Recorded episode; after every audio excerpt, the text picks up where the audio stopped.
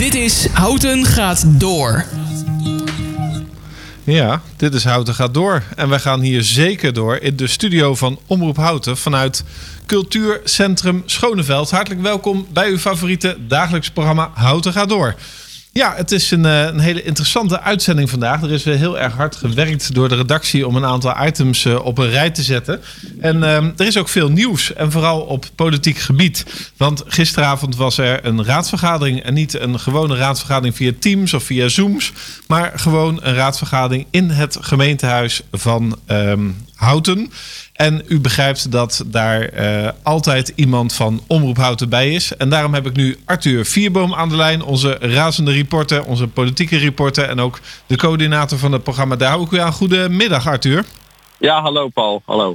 Jij uh, hebt zeker niet zoveel geslapen vannacht. Nou, dat, dat valt eigenlijk eh, best mee. Het is wel laat geworden, vond ik. Uh, het was ongeveer 12 uur. Ze hadden twee grote dossiers, ruimtelijke koers en de sociale koers. En die moesten allebei na drie maanden droog gestaan te hebben worden doorgeakkerd in een debatvorm. En ja. uh, dat was een, uh, dat was een uh, levendig debat. Ja, ik, ik, kijk even naar onze technicus Vincent Beenakker, want ik hoor jou wel, maar een beetje ver weg. Misschien kan hij nog een beetje aan de knopjes draaien om daar wat aan te doen. Um, ik zag op Facebook een paar foto's voorbij komen met een gevulde publieke tribune. Klopt dat? nou, dat was een. Uh, dat was, uh, nee, dat, dat, dat klopt in zoverre dat er inderdaad op het verhoogde podium mensen zaten, maar dat waren raadsleden. Dus de 29 raadsleden die we hadden, er waren er twee absent, dus het waren er 27. Die werden verdeeld over de zaal, zodat er achter de tafeltjes, zeg maar, om de twee uh, stoelen iemand zat. en dat de overige raadsleden, die natuurlijk er wel bij wilden zijn, die moesten op, de, op het verhogingje gaan zitten. Ja. En die zaten dus gewoon mee te luisteren. En er was wel afgesproken dat er tijdens het debat alleen mensen achter die tafels uh, de microfoons konden gebruiken. Dus um, ja, de, het, was een, uh, het, was een, het, het, was eigenlijk al gelijk vanaf het begin grappig. We werden echt uh, heel, ja hoe zeg je dat? we werden heel voorzichtig binnengelaten. de cameraploeg moest eerst, we moesten de dingen neerzetten. En dat moest uh, allemaal, nou dat werd echt uh, werd streng bewaakt. Ook door de burgemeester, die liep ook heen en weer van jongens, uh, let op, daar, daar, een beetje op letten, niet in de loop gaan staan, dat soort dingen. Dus het, dat was een, um, was een grappig begin. En toen, toen begon het eigenlijk met de benoeming van twee nieuwe wethouders. Hè? Ja. Want er waren eigenlijk twee nieuwe wethouders, opvolger van Jana Smit en de opvolger van Herman Geerders. Die werden uh, eigenlijk gepresenteerd. Jan Overweg en Sander Bos. En um, dat was in die zin grappig dat ze natuurlijk alles werd met anderhalve meter. Dus de bloemen werden als het ware bijna naar ze toe, uh, toe gegooid. Zou je kunnen zeggen. Uh, maar wat ook leuk was, was dat ze bij het... ze, ze moeten dan hun hand omhoog houden en dan moeten ze zeggen van ja... zo waarlijk helpt ons God, wij nemen geen cadeaus aan enzovoort enzovoort. En het eerste wat ze krijgen is daarna een bos bloemen van de raadsleden enzovoort enzovoort. Dus er werden al gelijk uh, cadeaus uh, over en weer uh, verspreid. Maar dat was meer grappig dan dat het een, een, een serieus dingetje was. Ja, het was wel een streekbier heb ik gelezen. Ja, een streekbier. dat, was, dat kwam van Eve Stiekema. Die had er inderdaad nogal... we dachten eerst dat het ja. nou, een ander biermerk ja, zou zijn. Precies, maar het was met die grote H. Ja, met die grote H omdat hij daar uh, werkt. Uh, maar dit, uh, hij had dat heel zorgvuldig gedaan. En hij had voor alle raadsleden, dat was wel een mooi gebaar, in deze tijden een klavertje 4. Dus die moesten ze dan thuis water geven en dan zou er een klavertje 4 uitkomen. En hij had het zelf al geprobeerd. En hij dacht dat dat moest gaan lukken. Ik dacht even dus dat, dat, hij die, dat aan was... het zoeken was geweest op de rondweg of zo, of op, op de vijfwal. Ja, in die, in die vier meter brede vlinder transfers, of hoe heet dat? Die, die stroken die niet ge, geknipt worden. Maar goed, dat is een, uh, een zijlijn. Maar wat, wat, wat er wel bijzonder aan was, was dat het echt een, uh, een, een eerste raadsvergadering was. Er was een zekere gretigheid bij de raadsleden om ook over deze belangrijke dossiers ook echt wat te zeggen. Dus iedereen nam daar ook ja, de tijd die hem was toegewezen, die nam die daarvoor. Ja, maar, maar heel even, um, want ik onderbreek je nog even. Ik wou nog even bij die wethouders blijven, want daar had je het net ja. over. Die hebben cadeaus ontvangen. Ik heb begrepen dat er ook gestemd werd en dat het iets met pepermunt te maken had. nou, het, het, het, waren de collectezakjes uit de Pleinkerk. En dan moet je je voorstellen dat je in de afgelopen drie maanden de Eerste Kamer een wet door hebt zien jassen. Die ging over digitaal stemmen, hè, dat alles op afstand uh, moet. En de eerste stemming die was namelijk van zijn de mensen die bezwaren hebben tegen de benoeming van deze uh, uh, wethouders. die moesten op een briefje aangeven wat ze wilden. En dat briefje dat werd opgehaald door met een collectezakje op anderhalve meter afstand. Daar moesten ze het in doen. En inderdaad was dat een heel grappig gezicht dat de eerste stemming nadat er een digitale wet is aangenomen, zal ik maar zeggen, dat we die met een collectezakje in, uh, in de gemeenteraad van Houten doen. Dat vond ik een opmerkelijk, uh, een opmerkelijk onderdeel. Ja, daar kwam ook het voorbeeld vandaan dat in de kerk er vaak een pepermuntje wordt geslikt op het moment dat de preek voorbij komt. En dan moet je even ah, een tijdje wachten. oké. Ja, ik, ik moet bekennen dat ik niet heel erg thuis ben in de kerkelijke gebruiken. Maar ik herkende wel het zakje. Die kwam bovendien uit de Pleinkerk, begreep ik, van, uh, van Houten. Dus er zat ook nog een, uh, een historische nou ja, dimensie aan. Ja, aan en, en wat was de uitslag van de stemming? Zijn de wethouders unaniem benoemd of waren er nog tegenstemmen? Of werd er nog zelfs nou, andere kandidaten op, gestemd? op zich was het grappig, of nou ja, grappig, ik weet niet of je dat zo mag zeggen, maar er waren, er waren dus 27 mensen die konden stemmen, dus je kunt niet helemaal spreken van unaniem. Maar uh, Jan Overweg die is unaniem uh, benoemd, maar bij Sander Bos was er één, um, even kijken of het nou een onthouding was, of ja, ik geloof dat het een onthouding was. Dus er was één iemand die en dat weet je dus niet wie dat is, want het was wel een, um, uh, nou ja, hoe zeg je dat? Een geheime stemming, want die briefjes die kwamen in dat zakje. En, uh, dus er het is niet helemaal duidelijk wie dat was. Misschien wel bij de VVD. Ik heb nog geprobeerd dat te achterhalen, maar dat is niet helemaal gelukt nog. Dus ik zal daar nog even in de wandelgangen uh, mijn, mijn licht over opsteken. Ja, toen kwam de sociale koers voorbij. De, de voormalige portefeuille van Jana Smit en Kees van Dalen die uh, moest daar het woord over voeren. Hoe ging dat? Ja, ja dat, dat ging volgens mij best goed. En uh, er waren tien amendementen. Op, de, bij de eerste waren het er negen, de, de ruimtelijke koers. die heb ik, moet ik eerlijk bekennen, wel het ruimhartigst gevolgd. De, de, ik ben om kwart over tien ben ik wel richting huis gegaan en heb ik het, de rest gekeken op, op, de, op de live feed hè, vanuit het stadhuis. Uh, ik dacht dat dat uh, verder goed gegaan was. Dat er uh, die tien amendementen die zijn, die zijn behandeld. En de stemming daarvan die hou je nog te goed. Oh, je maakt het inderdaad wel spannend. Want het is natuurlijk wel een beetje gevoelig. Hè? Die sociale koers die is aangepast. Um, dat heeft wethouder Kees van Dalen gedaan. De Partij van de Arbeid wilde heel graag dat er meer geld naartoe ging. De VVD wilde juist dat er bepaalde budgetplafonds werden gehouden. Wat was nou de strekking van wat er uiteindelijk uitkwam? Even los van de stemming. Uh, nou ja, ik denk dat al die punten die jij nu noemt, die zijn inderdaad uh, wel uh, ruim en royaal toegelicht. Ik vond de sfeer waarin het gebeurde, dat was een, dat was een goede sfeer. Dus er is, er is gewoon wel op een goede manier over gesproken. En zoals ik al zei, de, de, wat er precies uit die stemming gekomen is, dat heb ik eerlijk gezegd nog, dat heb ik niet scherp. Dus jij, het, jij hebt me, ik jij hebt vind me beter. heerlijk, dit, uh, dit moment inderdaad. Want ik vroeg ook niet naar de stemming. Maar uh, ja, je was natuurlijk ondertussen ook nog even op je iPad aan het kijken. Vanwege het feit dat er om zeven uur een persconferentie was geweest van Mark Rutte. Die wat uh, versoepelingen heeft doorgevoerd. En die gingen definitief ook door. Werd daar nog Ja. over gesproken in de raad? Over de Nee. actuele stand van zaken? Nee, en ik, ik moet ook zeggen dat, eh, want eh, rond die tijd, ik heb de, de eh, rond die tijd waren wij dus op het stadhuis de, de, de, de wethouders aan het interviewen die nu vandaag op Facebook komen en op de website. Gewoon een kennismakingsgesprekje met, met beide. Het, het was echt, de sfeer op het stadhuis was echt nog een van best wel strakke, rigide ehm, eh, discipline. Er werd echt heel erg gehamerd op, eh, op die veiligheid. Eh, dus ik heb eigenlijk nog niks van een versoepeling gemerkt. Zeker niet bij onze gemeenteraad. Nee, ik zag wel een hele mooie foto op Facebook van het nieuwe college. Allemaal stuk voor stuk op de trap gefotografeerd. Inclusief meneer Overweg en de heer Bos. En die, eh, ik neem aan dat jij als eh, razende reporter natuurlijk wel hebt geregeld dat zij ook gewoon hun plekje gaan innemen in het programma. Daar hou ik u aan, want wij op zaterdag steeds uitzenden tussen 11 en 12, toch? Ja, en beide hebben beloofd dat ze eh, op ieder verzoek wat wij hebben, dat was misschien nog wel grappig. We moesten even wachten beneden. Kwart over zes zouden wij Jan Overweg of Sander Bos. Sander Bos zouden we het eerst interviewen. maar zij zaten boven te eten met de andere collegeleden. Dus toen heb ik stiekem een appje gestuurd naar Kees van Dalen. Ik zeg volgens mij begrijpen de nieuwe wethouders nog niet dat je omroep houten het beste niet kan laten wachten. En toen waren ze binnen twee minuten beneden, allebei. Dus eh, ik, ik, denk dat wij dat overwicht van daar hou ik u aan, dat, eh, dat eh, de schrik zit er goed in. Nou, dat is heel mooi.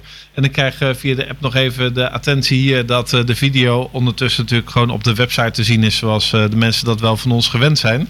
zowel de video van de wethouders neem ik aan, maar ook de uitzending via de gemeente van de raadsvergadering gisteravond, want die wordt gewoon uitgezonden. Nou, we gaan uh, vandaag um, nog twee mensen interviewen vanuit de Raad over de post-coronatijd. Dat is ook weer goed geregeld door onze redactie. Maar we hebben in ieder geval nu een aardig inkijkje gekregen van uh, de raadsvergadering van gisteravond. Um, ja, heb je nog iets gehoord over de nieuwe G4? Is daar al meer bekend over? Want dat duurt toch wel lang. Nou ja, gisteren was er een uh, vervanger, uh, dus uh, die het overigens verder goed deed. Maar die, de, de, de was, er was nog geen opvolger inderdaad. Daar werd ook verder geen melding van gemaakt in de vergadering. Je snapt dat ik geen microfoon had om af en toe te interruperen. Hm. Dus ik heb dat vanaf een afstand waargenomen. Nou, mooi. Arthur, dank voor dit verslag vanaf um, het gemeentehuis. Hè, want we hebben geen stadhuis zoals je weet. Houdt oh, toch okay. nog steeds een dorp of niet? Nou, ik dacht boven de 50.000 dat we dan een middelgrote stad zijn. En dat we dan uh, in uh, ander jargon uh, terechtkomen. Maar ja, jij bent wel een, ik vind jou een grotere autoriteit op dit gebied dan ik. Want jij kent die wereld van binnenuit. Ja, een beetje. Hey, we gaan dus even naar een muziekje luisteren. Vincent heeft dat voor ons opgezocht. dankjewel voor je bijdrage en graag tot volgende keer. Helemaal goed. fijne uitzending.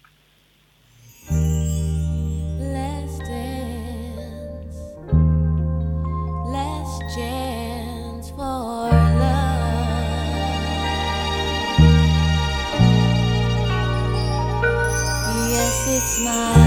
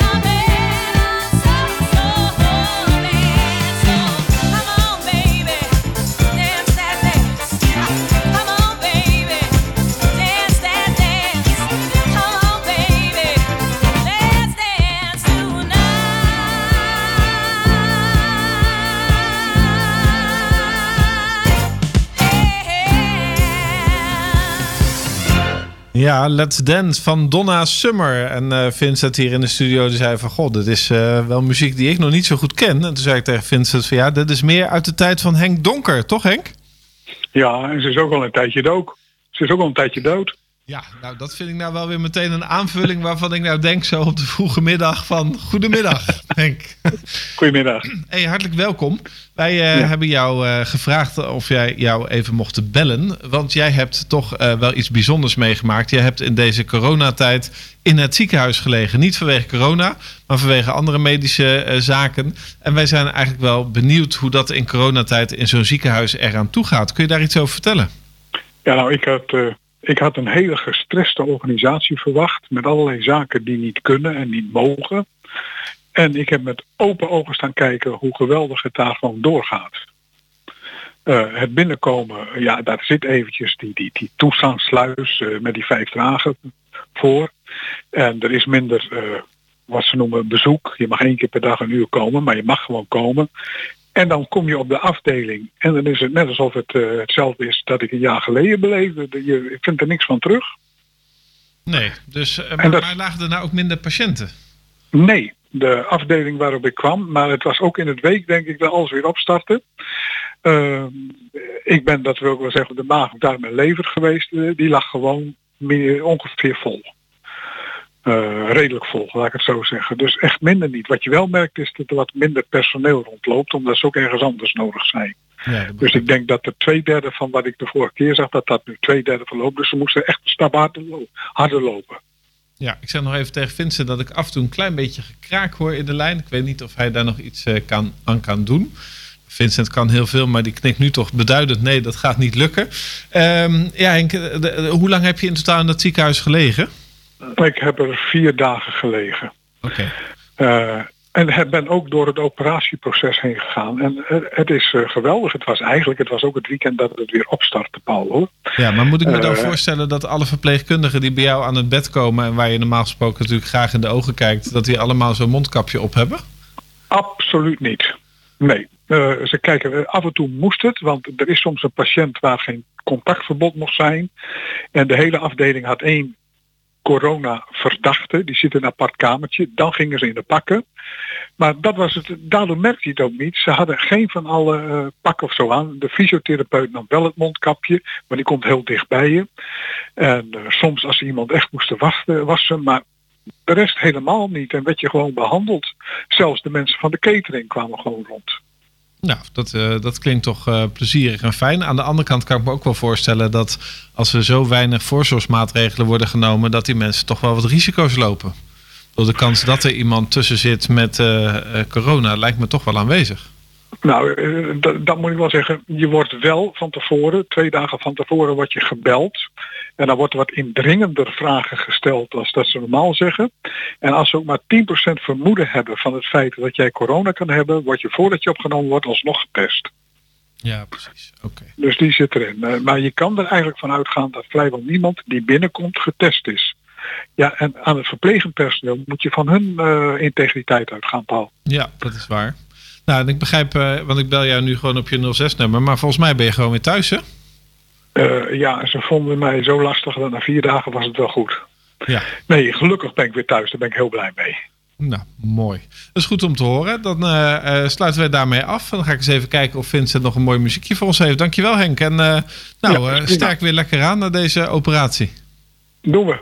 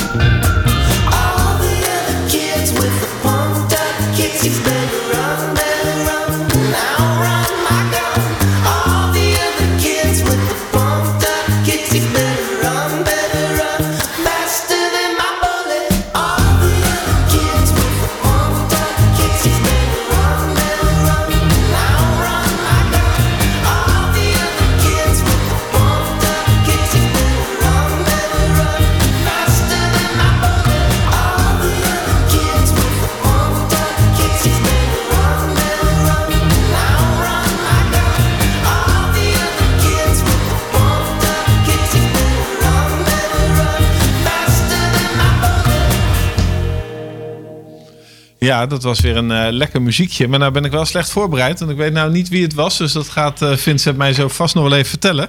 Want ik was ondertussen al in contact gekomen met uh, degene die mij gaat beantwoorden in het volgende item. Namelijk de kok van Eet Atelier To Go. En dat is Jeroen van der Maat. Goedemiddag Jeroen. Goedemiddag, leuk. Ja, hartelijk welkom bij ons in de uitzending.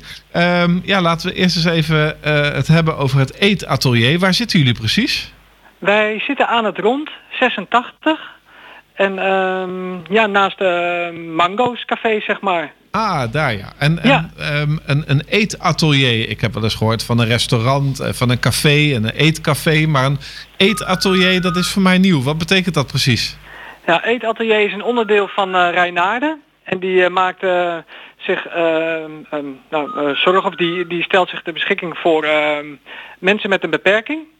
En die heeft dus de zorg voor wonen. Mm. En ook voor dagbesteding. En wij zijn dan een horeca dagbesteding. Ja. En dus wij zijn een restaurant wat wordt gerund door professionals en door ja, mensen met een beperking. Onder de vleugels van.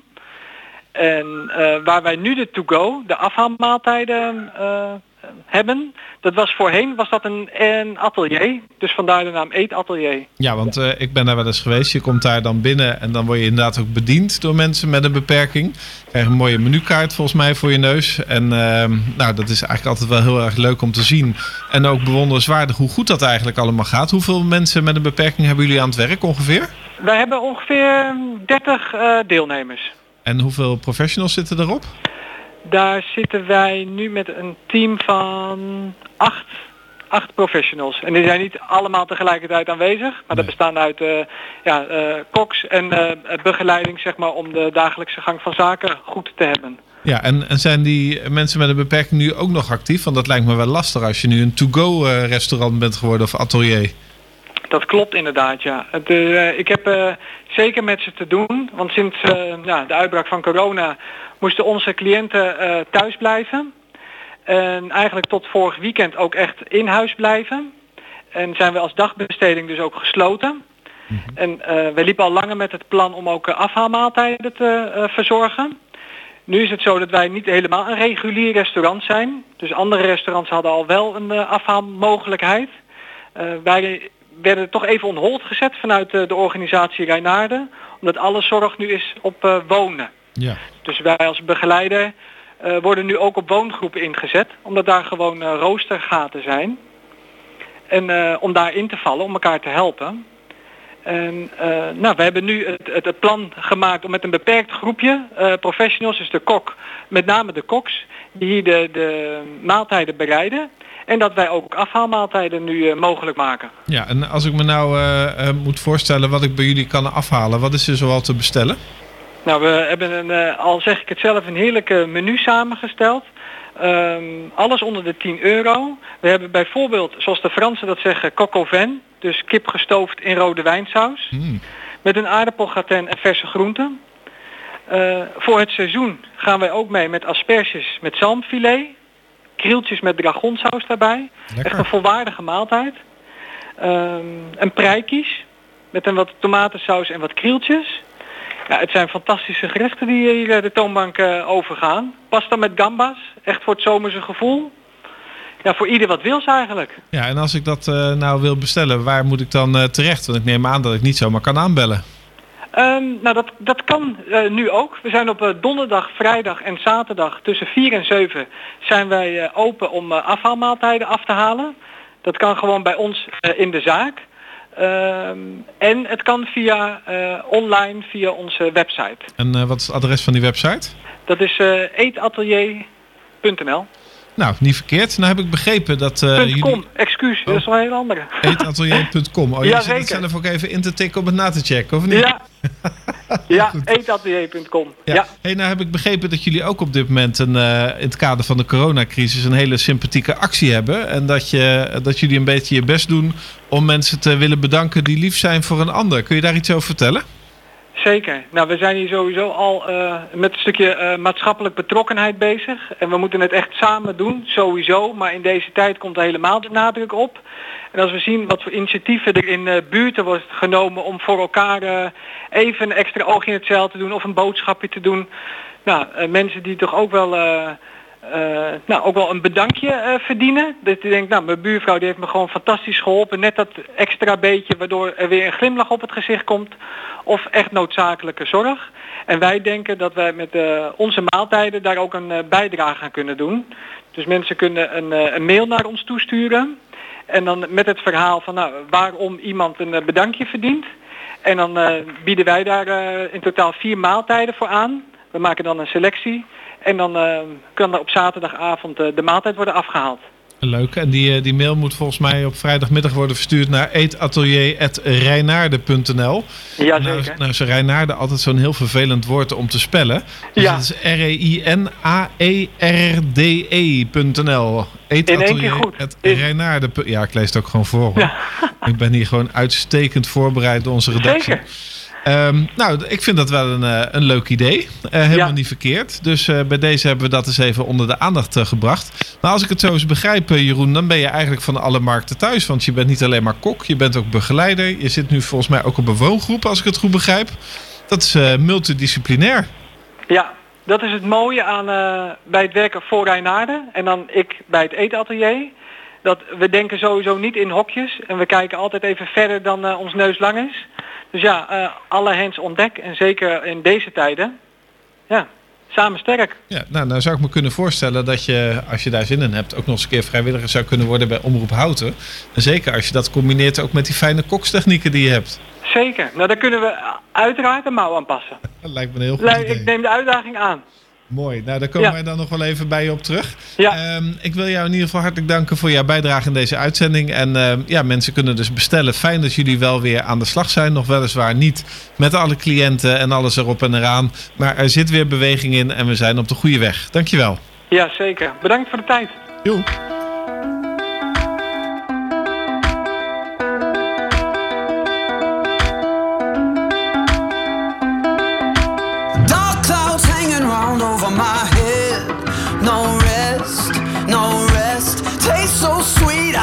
Her to death, but she don't worry about me. Locked up almost all my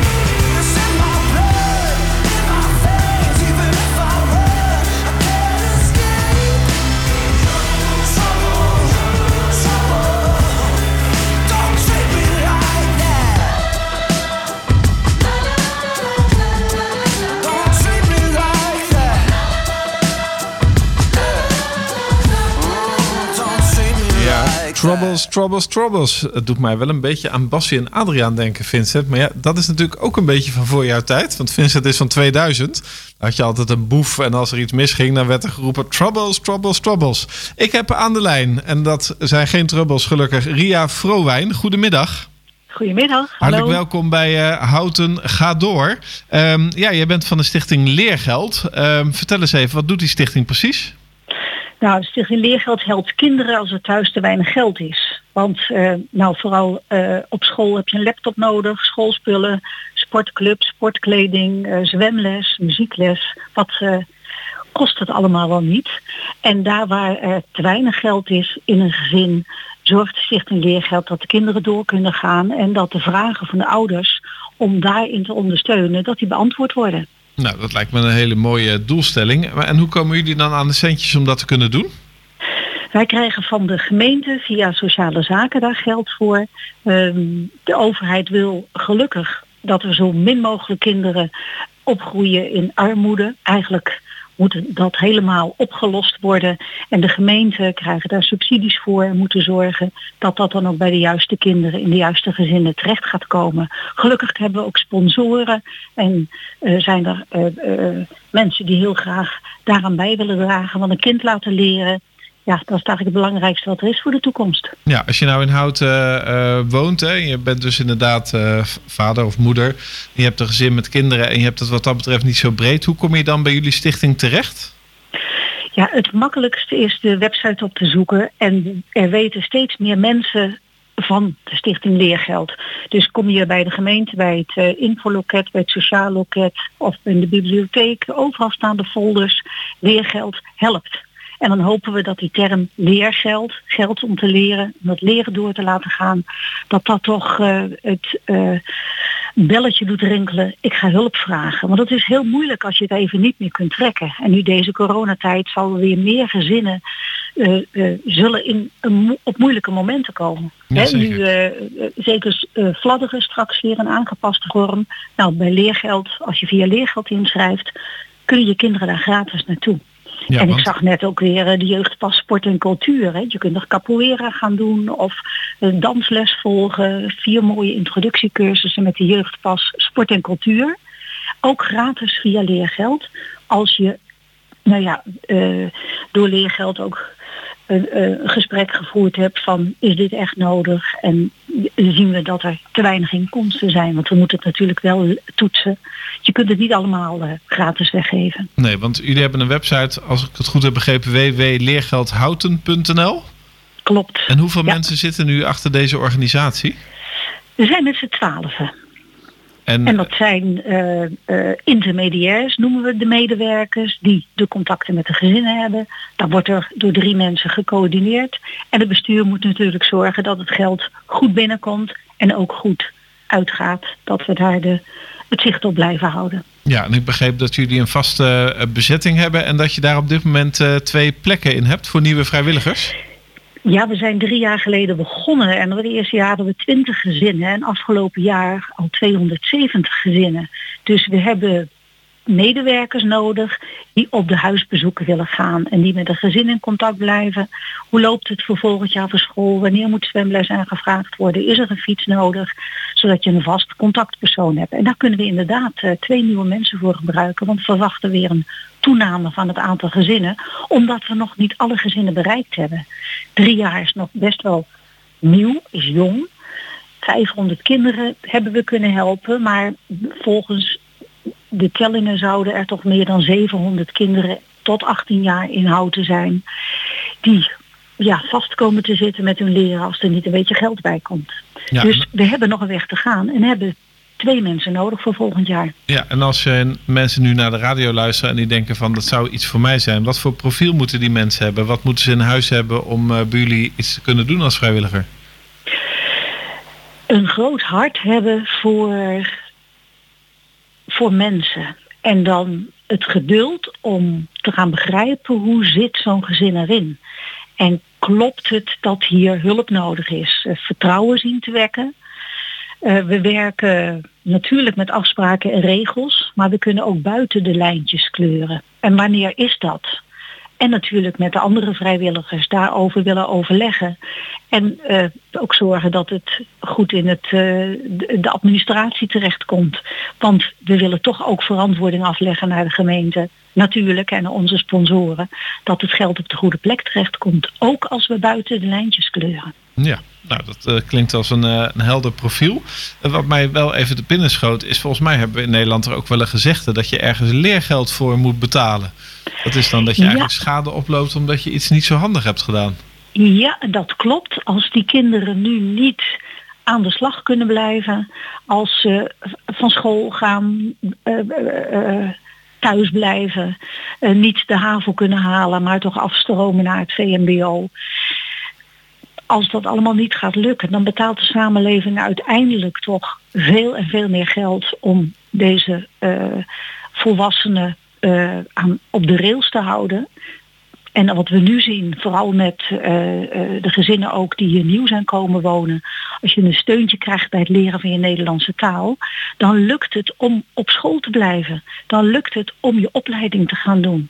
Want je kunt het niet alleen als je toch weinig hulp vanuit het gezin zelf kunt krijgen voor je taal. Dus het gaat de samenleving eh, veel opleveren, maar vooral de jongeren zelf geluk in hun leven, laat ik het maar heel poëtisch uitdrukken. Inderdaad. kansen zijn belangrijk. Ja, het is een heel helder verhaal. Dus vrijwilligers eh, zijn er twee gezocht en die kunnen zich melden onder andere via de website www.leergeldhouten.nl. En dan komen ze ongetwijfeld in contact met Ria Vrowijn die aan deze eh, mooie stichting Leergeld verbonden is. Mag ik je hartelijk danken, veel succes en eh, wellicht weer tot later. Zeer zeker, fijne dag. Hey, dag. Dag.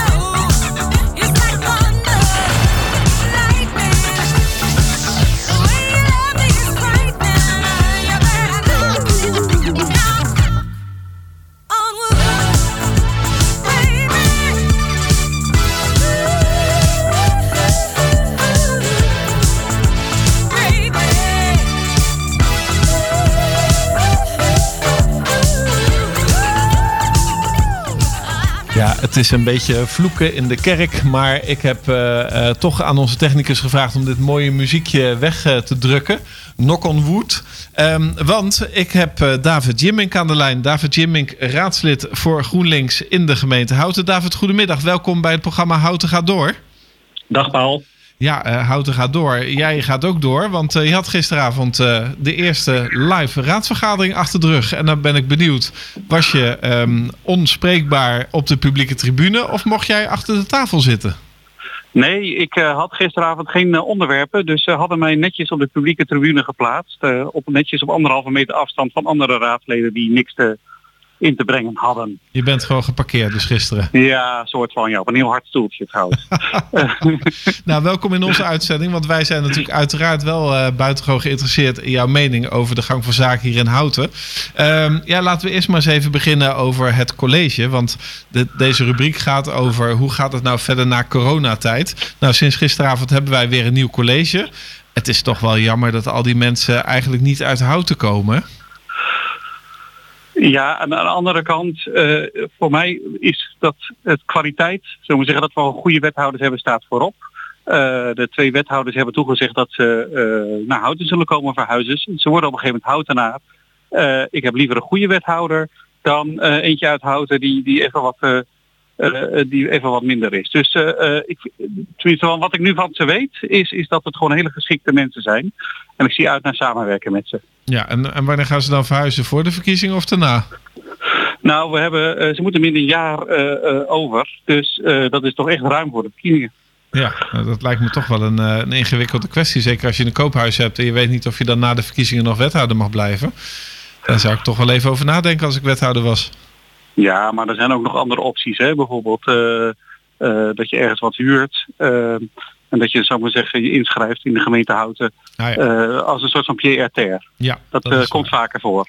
Hey, wij kennen jou in verschillende gedaanten. Hè? Niet alleen als, als raadslid, maar jij bent ook nog betrokken volgens mij bij het Houters Muziekcollectief. Klopt dat? Ja. En bij het kunsthuis Houten. Kijk. En wat doe ik nog meer? Ja, dat is wel zo'n beetje wat ik in Houten doe. Ja, hey, dat uh, Houters Muziekcollectief, eh, hoe gaat het daarmee? Want eh, dat moet toch ook wel ingewikkeld en moeilijk zijn voor de mensen die daar aan het werk zijn. Nou, zeg maar dat het ontzettend ingewikkeld is. Om de simpele reden van we zitten eh, in een gebouw wat een theater is, dus dat is gewoon dicht. Dus alles wat we bedenken, het mag niet. Ehm, en dat is wel een enorme domper geweest voor onze eh, docenten, want online lesgeven, dat zit je met latentietijd, eh, eh, muziekinstrumenten die niet klinken, eh, leerlingen niet opkomen dagen. Het is echt ontzettend afzien. Maar 2 juni gaan we weer open. We hebben net een enorme lading schermen en zeilen en handinventeringsdingen en zo, dat hebben we gekocht. En we gaan er het beste van maken. Ja, en wat is latentietijd? Weer een mooi nieuw woord. Oh ja, dat is echt een technische term. Eh, ehm, bijvoorbeeld als je samen wil spelen met een leerling, eh, dan zit er altijd een, een, een korte tijd tussen waarin het signaal overgedragen moet worden. Ah, ja. En ehm, daardoor zijn heel veel dingen niet mogelijk. ja, dus al die docenten die komen eigenlijk achter de muziek aan, als ik het goed begrijp. Ja, zoiets, ja. Zoiets. Oké, maar goed. En nou dus ja, goed, en weet je, eh, en het grappige is, eh muzici zijn natuurlijk heel erg gericht op geluid. Dus dat eh, voor hen komt het nog een, even net wat kritischer kijken. Maar ja, wij, gaan weer, wij gaan weer open. Vooralsnog alleen in het theater aan de Slinger, niet in wijkcentrum Schoneveld. Maar we hopen ook snel daar weer aan de gang te kunnen. Mooi. En waar was je nou nog meer aan verbonden, zei je? En aan het kunsthuis Houten, dat is zeg het oude politiebureau. Ja. Ook in het centrum. Daar zitten ehm, 35 kunstenaars. eh, lekker allemaal kunst met elkaar te maken. Daar worden ook groepen gedraaid. Eh, ontzettend gezellig daar. Daar ben ik voorzitter van. En eh, dat is een stichting ook, begrijp ik. Nou, het is een coöperatie om technisch gezien, maar het, het handelt als een stichting. Ja. Ik ben altijd zo benieuwd, zitten die politiecellen er nog in? ja, zeker. En daar zit een kunstenaar in die echt van plafond tot grond het heeft verkunst. Geweldig. En, en hoe gaat het daarmee? Want ik kan me ook voorstellen dat het gebouw heeft natuurlijk wel wat aparte specifieke ruimtes. Daar speciaal voor ingericht om alleen te zijn. Maar is dat een beetje te doen? Is dat open of is het ook gesloten? Eh, het is nu alleen open voor individueel werk. Dus eh, voor kunstenaars die alleen maar zeggen, gaan schilderen of goudsmeden of dat soort dingen. Eh, ook op kortere termijn hopen wij voor kleine groepen. Dan heb je het over bijvoorbeeld dansles aan stellen. Of eh, één op één eh, coaching, dat soort, eh, dat soort dingen. Daarvoor gaan we open. Groepen duurt helaas nog wat langer. Om, om de simpele reden dat daar toch te veel restricties op zitten. Ja. ja.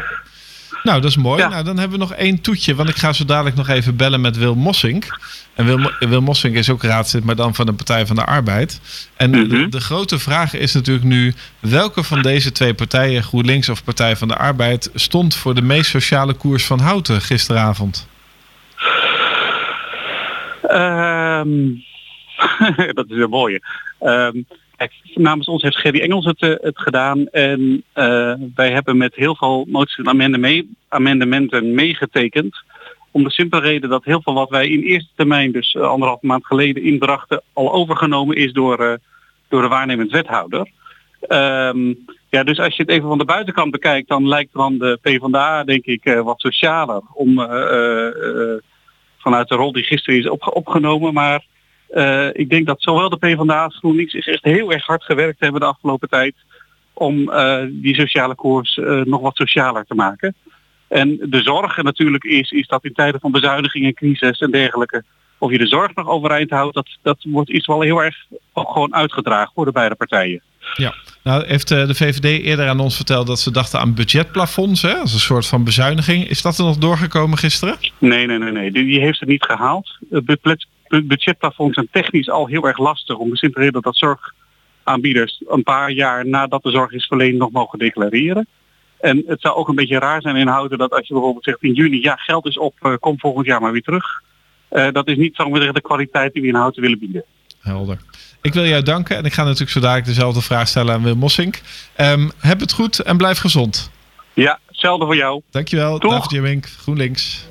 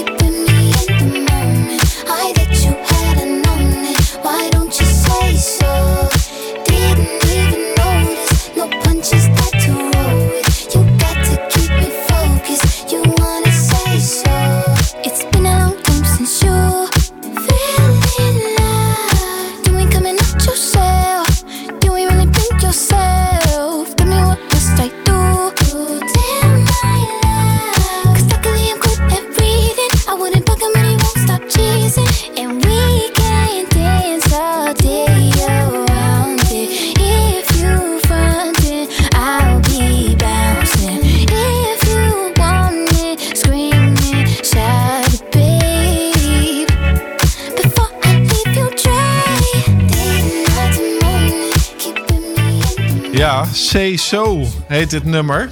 Ben alweer kwijt van wie. En we draaien hem weer rukzichtloos weg, want we willen nog even luisteren naar het andere linkse geluid in de Houtse Raad. Ik heb aan de lijn Wil Mossing. Goedemiddag, welkom bij Houten gaat door.